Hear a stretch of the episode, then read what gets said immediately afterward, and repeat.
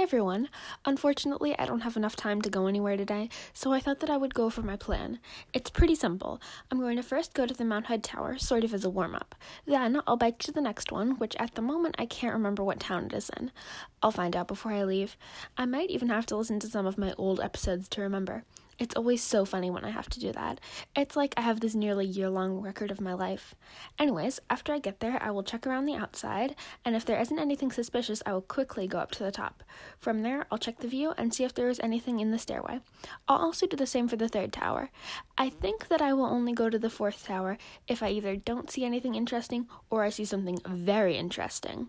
Until next time, I'm Zoe, and this is my life on lockdown.